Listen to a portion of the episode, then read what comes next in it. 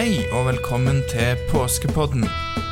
Du skal nå få høre om det som skjedde i den kristne påsken. Hendelsene og historiene er henta fra Bibelen, men det er fortalt på en litt annen måte fra hvordan det kanskje kan ha vært å faktisk være til stede. Du vil få møte Peter, disippelen til Jesus, og andre folk som var til stede der det skjedde.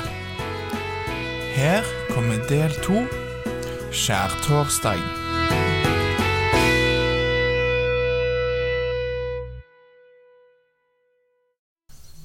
Ja, da er jeg altså her i podkaststudio sammen med Peter, disippelen til Jesus. Og Peter, det hørtes jo utrolig spennende ut, alt det du fortalte om palmesøndag. Nå er altså du og disiplene og Jesus i Jerusalem for å feire påske. Jesus har allerede laga litt opprør i tempelet, så jeg forsto det sånn at du nå var litt urolige. Kanskje du forteller videre hva som skjedde? Ja, altså, påsken nærmer seg. Det er den store festen til minne om Moses og jødenes flukt fra Egypt. Den største festen i året. Lammet var utvalgt, og i morgen skulle det slaktes i tempelet. Vanligvis gleder jeg meg til påsken. Alle menneskene, fargene, lukten og stemningen. Men i år Jeg vet ikke. Alt var liksom annerledes. Jesus hadde jo sagt noe om at han skulle dø, men vi trodde jo ikke at han mente dø-dø, liksom. Jesus snakket jo alltid litt sånn i gåter, og det var litt vanskelig å forstå. Men nå Nå var vi redde. Men Jesus, han så fortsatt rolig ut. Jeg har gleda meg sånn til dette påskemåltidet med dere.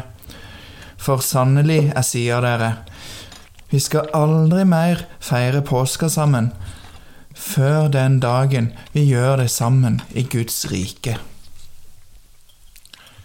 Nå lå vi ned rundt bordet. Ja, for vi lå faktisk rundt bordet. Det var det som var vanlig på den tida. Så vi var samla, alle oss disiplene og Jesus, til påskemåltid. Og påskemåltidet det besto av brød, lammekjøtt og vin. Brødet det var symbolet på våre forfedres reise til slaveriet i et fremmed land, til friheten i det lovede land. Og Jesus tok brødet. Dette er livets brød. Den som spiser av det, skal aldri dø. For dette brødet er min kropp, og jeg vil være i dere når dere spiser det. Gjør dette til minne om meg.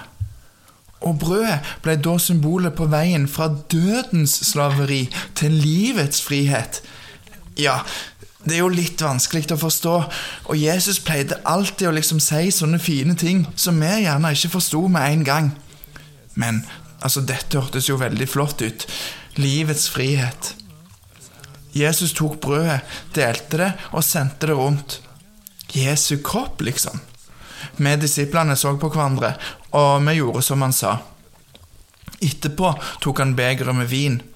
Vinen som var et minne om pakten, altså avtalen som Gud gjorde med Moses og våre forfedre på Sinai-fjellet på veien til det lovede land. Fra nå av er dette et tegn på den nye pakten jeg slutter med dere i dag. For vinen er mitt blod. Drikk det til minne om meg. I all verden, ny pakt? Jesu blod?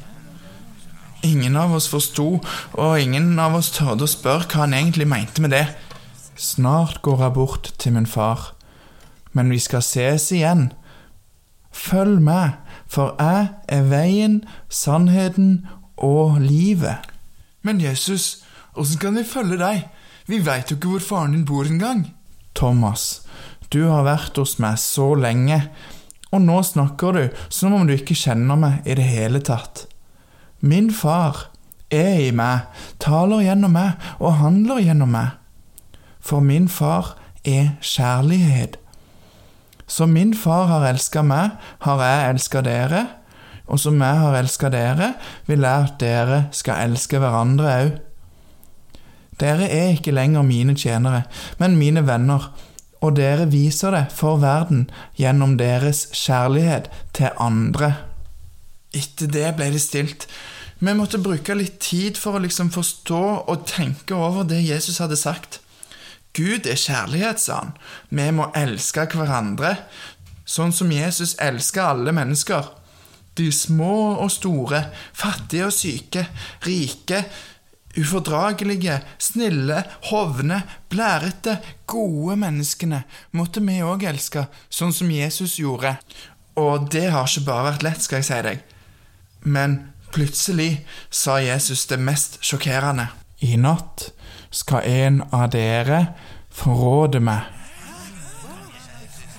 Han som dypper brødet samtidig med meg, han er det. Og det siste sa han så lavt at jeg tror ikke alle fikk det med helt med seg, egentlig. Jesus dyppa brødet i vinen samtidig som Judas. Jeg tror ikke alle fikk det med seg heller, for de var mest opptatt av å si at det ikke var de som ville forråde Jesus. Jesus snudde seg mot Judas og sa, Judas, gjør det du må gjøre. Judas var den som hadde ansvar for pengene våre, så mange tenkte nok at han skulle ut og kjøpe mer mat eller noe sånt. Og Jesus, han lot han bare gå. Han sa faktisk, Be for ham, denne natten blir tøff for han. Vi var aller mest sinte, eller bare forvirra. Denne natten blir også vanskelig for dere, for dere skal alle svikte meg. Aldri! Kanskje andre kan gjøre det, men jeg vil følge deg til verdens ende, Jesus, og det vet du. Peter, Peter, Peter, i natt før hanen galer vil du ha fornekta meg tre ganger. Hvordan kunne han si noe sånn? Stolte han ikke på meg? Nå var jeg både skuffa, såra og litt sint. Også du kan svikte, Peter. Husk det, for en gang skal du lede andre. Det ble etter hvert rolig. Vi gikk ut i en hage som het Getsemane. Det var ganske kaldt. Vinden suste i greinene, og vi fant ly under noen trær. Jesus gikk litt unna for å be. Jeg husker stemmen hans. Jeg husker at Jesus Jesus gråt. Jeg hadde aldri sett han sånn før. Kanskje bare kanskje Jesus i den natta i hagen hadde det sånn som alle andre mennesker. Når familien er vekke, når vennene sover, og man er helt mutters aleine i hele denne verden. Jeg, jeg vil ikke dø, Herre. Om det er mulig, la dette begeret gå forbi meg. La meg slippe. Men ikke som jeg vil, men som du vil, pappa. Vi disiplene skulle holde oss våkne og be sammen med han, men det hadde vært en lang og merkelig dag, og vi var slitne alle sammen. Så vi sovna faktisk, hver og en. Jesus var alene og snakka med sin far i himmelen. Men om det er mulig, far, så la meg slippe. Men om det er din vilje, så gjør jeg det. Jesus gikk tilbake der vi var. Sover dere? Når jeg trengte at dere ba sammen med meg, ikke en eneste time klarte dere å holde dere våkne med meg. Reis dere! Timen er kommet. Hør, forræderen er her allerede. Mester. Det var Judas. Med seg hadde han en hel hær av jødiske soldater med sverd og stokker. Judas gikk bort til Jesus. Ingen sa noen ting. Judas ga plutselig et kyss på skinnet til Jesus. Er det tegnet ditt, Judas? Forråder du menneskesønnen med et kyss? Judas forsvant unna. Jesus sto helt i ro. Soldatene kom for å ta Jesus. Jeg var så sint at jeg ikke klarte å holde det inne lenger. Jeg tok et sverd og slo mot en av soldatene. Jeg hogde øret av han ene. Og Jesus, han ble med en gang sint på meg. Legg bort det der sverdet. Vet du ikke at alle som griper til sverd, skal falle for sverd? Han plukket opp øyra, og så satte han det bare tilbake på plass igjen. Han snudde seg mot soldatene. Og dere, dere har rykka ut med sverd og stokker for å arrestere meg, som om jeg var en kjeltring og tyv. Jeg satt sammen med dere på tempelplassen dag etter dag og underviste dere, men da grep dere meg ikke. Mens Jesus sa dette, tok Thomas tak i meg, og vi flykta. Alle disiplene.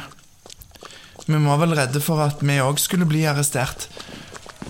Men vi sto et stykke unna og så på mens soldatene drog med seg Jesus inn mot byen.